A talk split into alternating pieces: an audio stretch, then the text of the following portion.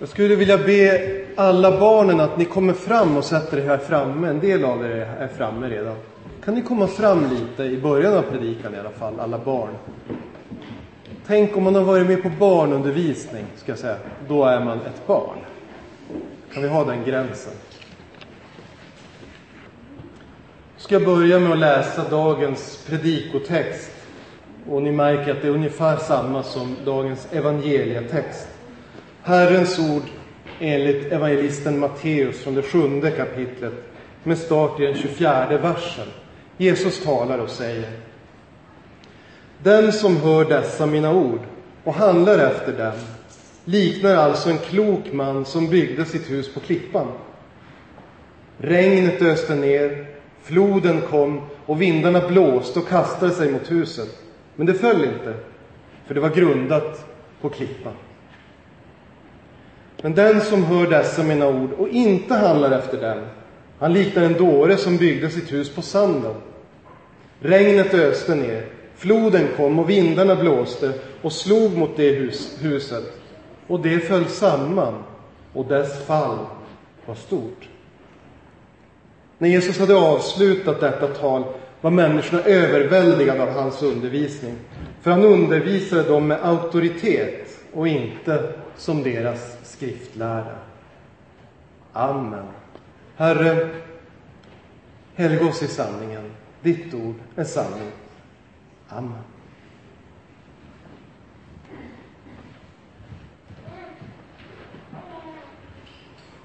Nu var så hade jag tänkt försöka illustrera Jesu liknelse idag. Och då har Vincent och Ruben lovat att hjälpa mig. Och eh,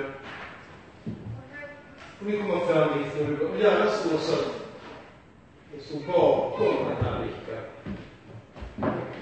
Då får ni de här tre stenarna. Så får ni försöka bygga ett torn. Eller om du tittar att de inte fuskar.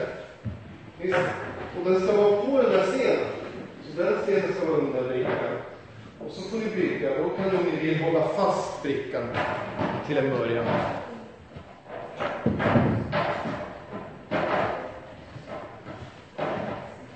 Vi på tre försök. Det är ju ganska svårt. Man är kanske instabil.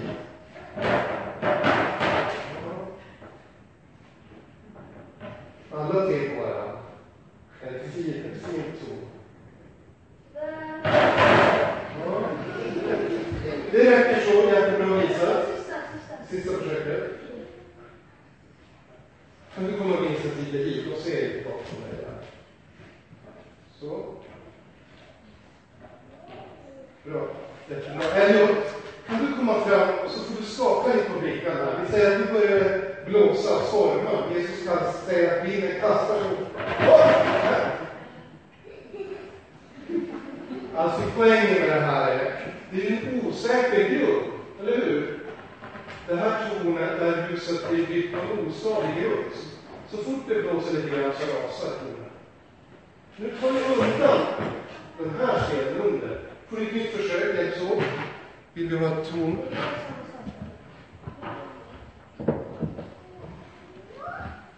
Vad snabbt det gick. Kan du få alla tre på varandra? Klarar du det? Det är svårt. Tre nivåer.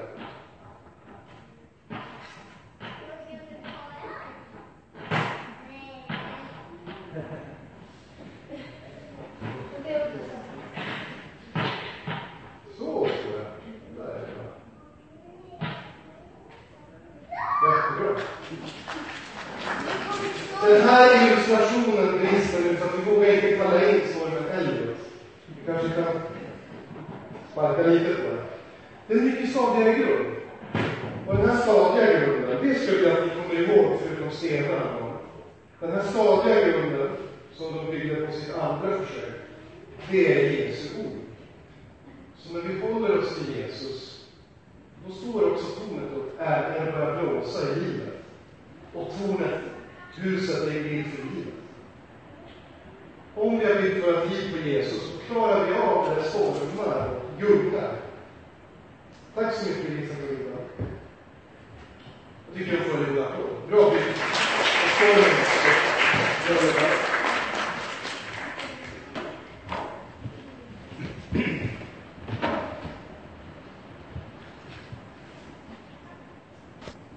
Jesus uppmanar oss alltså, bygg inte på sand, utan bygg på klippan. Vad innebär att bygga sitt hus på sand? Att grunda sitt liv på en osäker och ostadig grund? Det kan till, till exempel vara att man grundar det på mänsklig vishet. Vi har talat under de här dagarna om att evolutionsteorin, om att människan har utvecklats från apan som i sin tur utvecklades från en råtta och i sin tur från en amöba. Det är en teori som leder bort från Gud. Ska vi bygga på den, då måste vi förkasta syndafallet, Guds nåd, Guds plan och förtröstan på Guds ord. Evolutionsteorin har vi pratat om kan inte förenas med Gud. Men dessutom har vi pratat om att den står på en sån här skakig grund. Evolutionsteorin håller inte när det börjar blåsa. Argumenten har luckor. Man har inga bra förklaringar på de största och viktigaste frågorna. Varifrån kommer vi egentligen? Hur började allt? Och vad är meningen med vår tillvaro?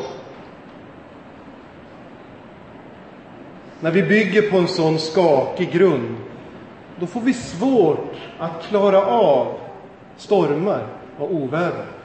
Ni hör här att Gud hjälper till med en liten illustration.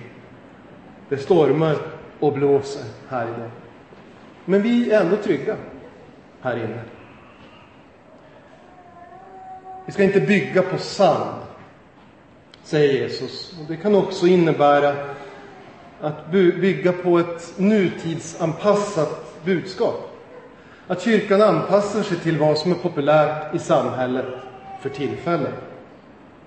Men det man märker då, när man vill vara så modern det bara går, det är att man blir väldigt daterad. Alltså, man blir väldigt snabbt omodern.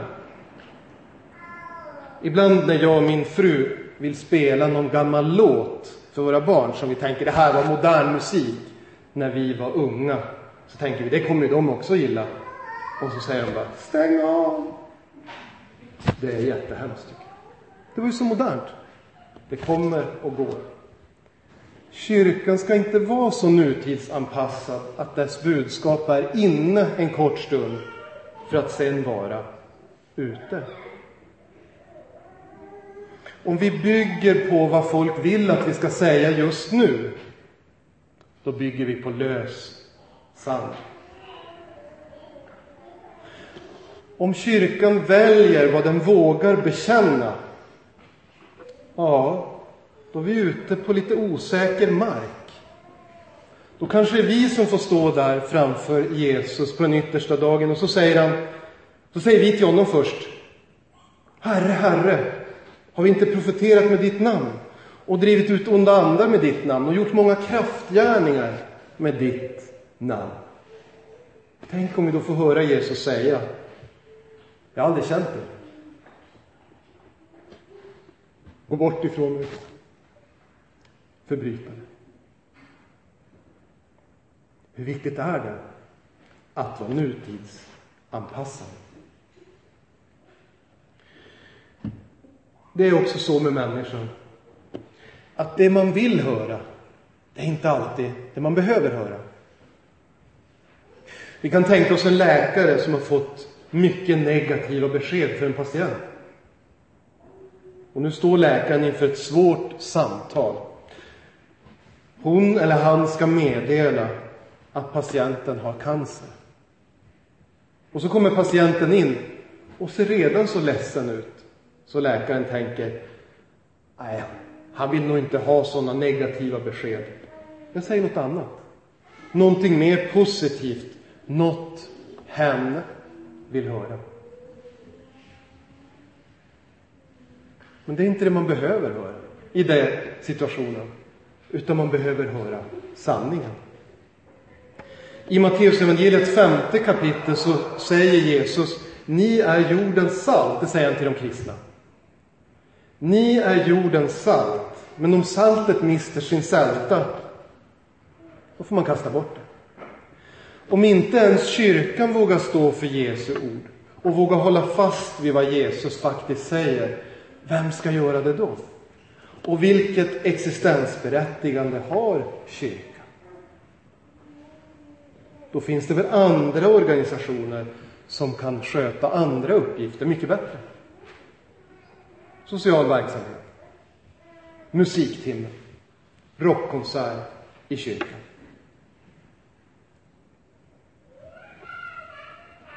Vi ska inte bygga på sand.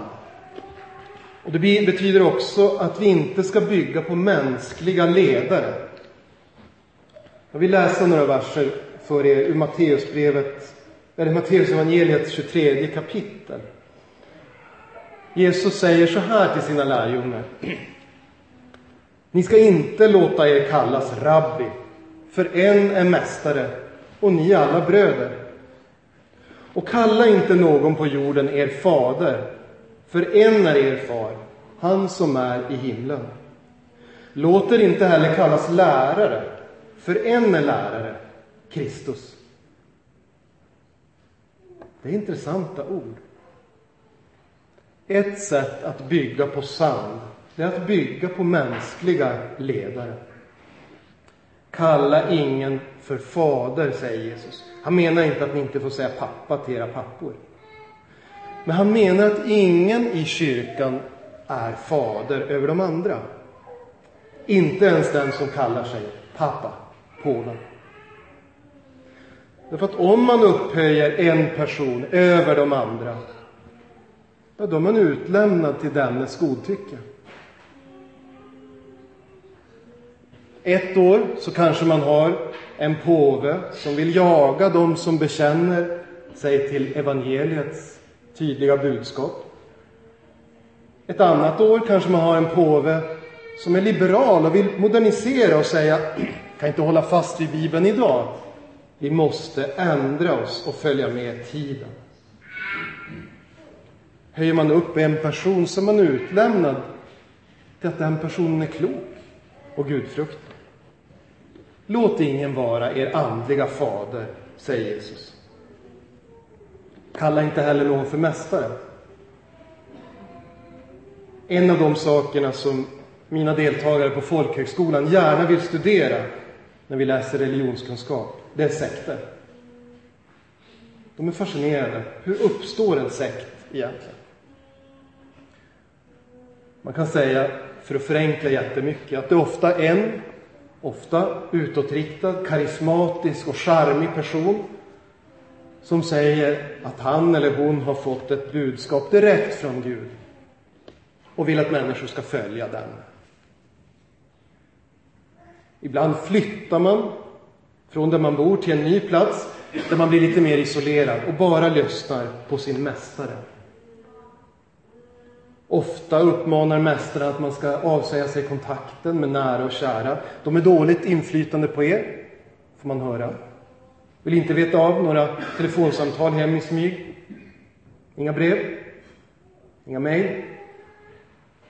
Ibland slutar det så illa så att mästaren säger att det är dags att begå kollektivt självmord. Akta er för den som bara är mästare, säger Jesus. Kalla inte någon för mästare. Men sen säger han det som kanske är mest överraskande.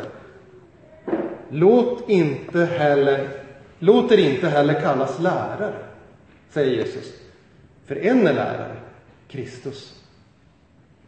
Man får gå i skolan och man får ha lärare. Men det är en varning för att hålla sig till en specifik person. Vi får höra om att det fanns i den tidiga kyrkan.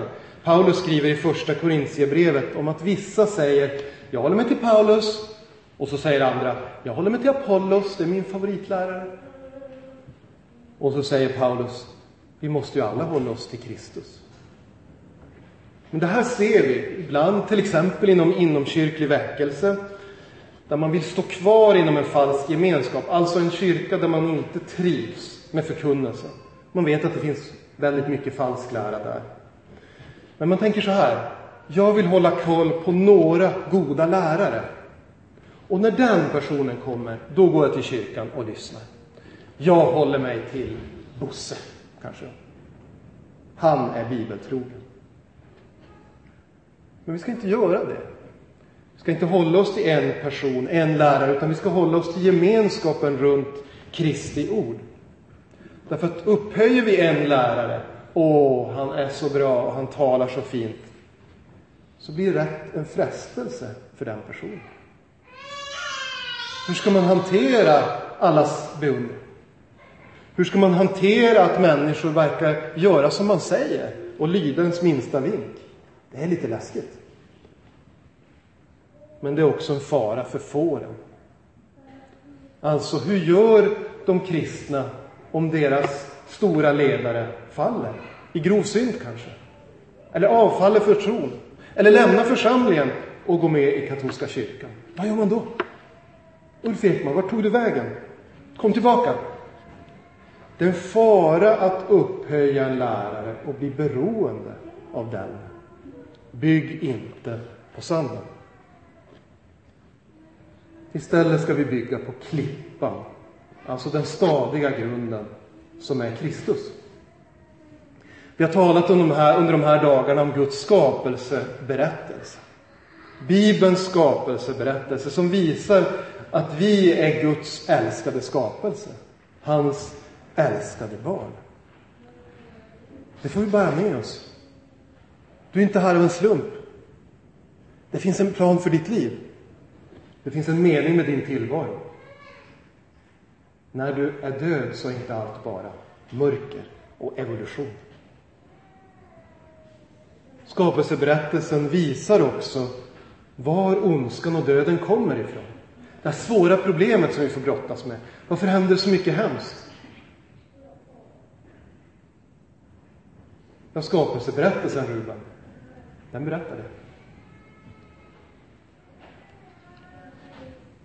Bygg på klippan som är Kristus. Redan skapelseberättelsen pekar framåt mot Jesus. Det har vi blivit påminda om här. Redan vid syndafallet. Det är efter skapelsen. Men redan vid syndafallet så kommer den första profetian som pekar framåt mot frälsaren. Bygg på klippan som är Kristus. Bygg på Jesu person och verk vem Jesus är och vad han har gjort. Tro att Jesus är sann Gud och sann människa som vi bekänner. Tro på att han är sann Gud, för därför kan han stå emot alla frestelser.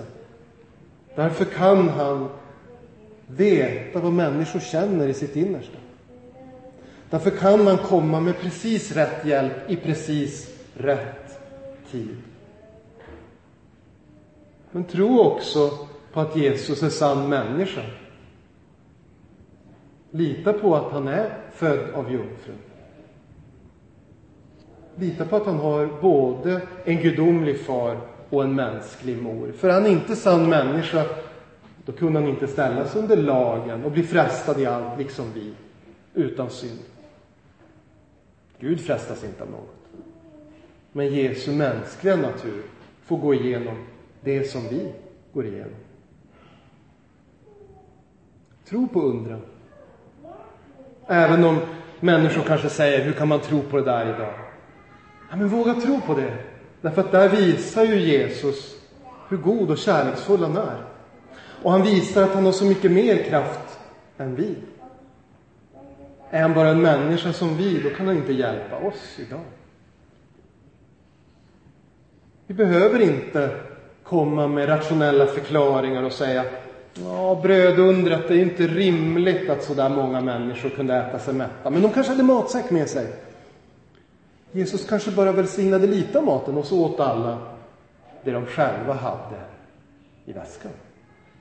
Vi behöver inte hitta på några sådana förklaringar. Vi behöver inte säga, nej, gå på vattnet, det är orimligt, utan det måste ha varit lågvatten. Och vinden blåste och vattnet drog sig tillbaks. Och så trodde lärjungarna att Jesus gick på vattnet. Utan vi får tro. Bygg på klippan som är Kristus. Tänk gärna på den där klipp, klippbumlingen som låg framför Jesu grav.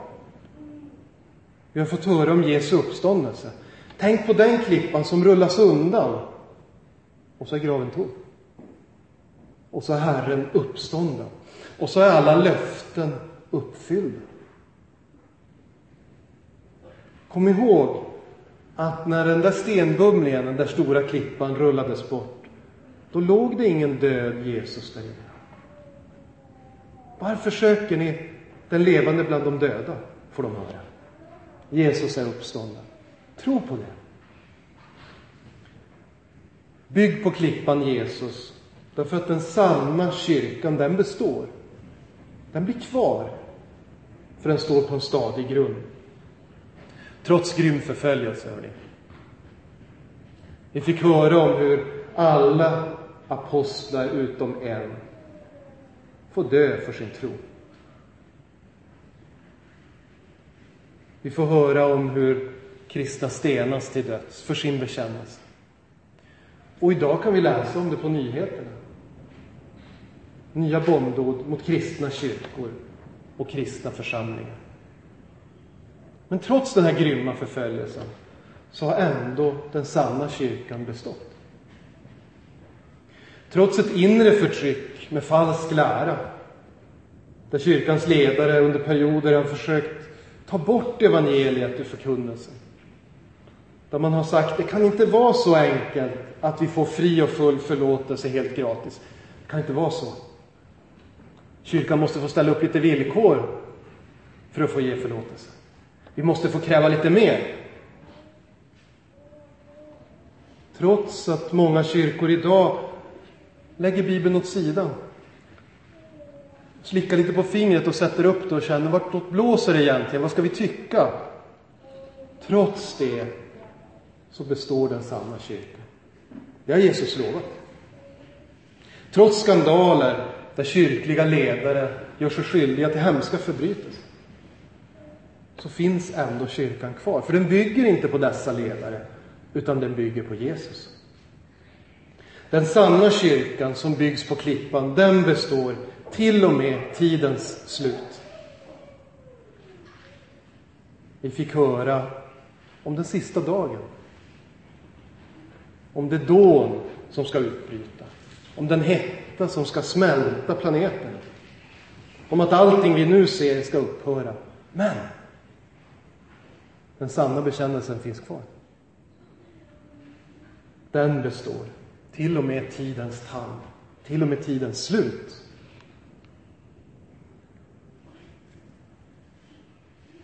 Om det kommer an på oss, då blir våra liv, det vi bygger med allt det vi gör, alla våra ansträngningar, blir som det första tornet som barnen byggde. Instabilt. Det kanske känns helt okej okay, så länge allt går bra. Så länge jag har mina krafter. Så länge jag har en bra lön. Så länge jag har en trygghet i det materiella. Men när hälsan sviktar. Eller när relationen krackelerar. Eller om jag drabbas av arbetslöshet. Eller en allvarlig sjukdom. Då skakar det. Har vi då byggt på sanden, hörni, då är vi väldigt vilsna. Men om vi har byggt på klippan, då får vi fly tillbaka till klippan, som är Jesus. Då får vi påminna om oss om hans ord. Jag är med er alla dagar. När vi känner att vi inte bygger så bra som vi borde. När vi känner att vi ofta är lite lata. Eller lite fega när det gäller att säga sanningen lite försagda. Vi känner att vi skjuter på det som kanske är det viktigaste och ägnar för mycket tid åt det som egentligen är oviktigt. Då får vi vända oss till Jesus, klippan, och så får vi säga förlåt mig alla mina synder och brister. Och tack för att jag får bygga på dig. Amen. Låt oss be. Kära himmelske Fader. Vi tackar dig för det här lägret som vi har fått vara på. Vi tackar dig för att vi har fått lyssna till din undervisning om att du är början, och du är mitten och du är slutet. Vi tackar för din skapelse, att du har skapat allt så övermåttan underbart.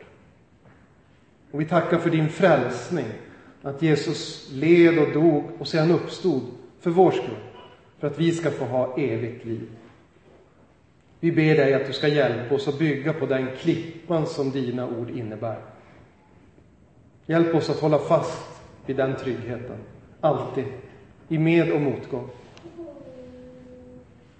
Idag, Herre, så vill vi särskilt komma till dig med en tacksägelsebön. Vi tackar dig. Vi hade ett allvarligt drunkningstillbud igår kväll. Och vi kunde ha varit tre färre här idag. Men vi tackar dig för din stora nåd. Att du räddade alla ur djupet med de kraftiga vågorna.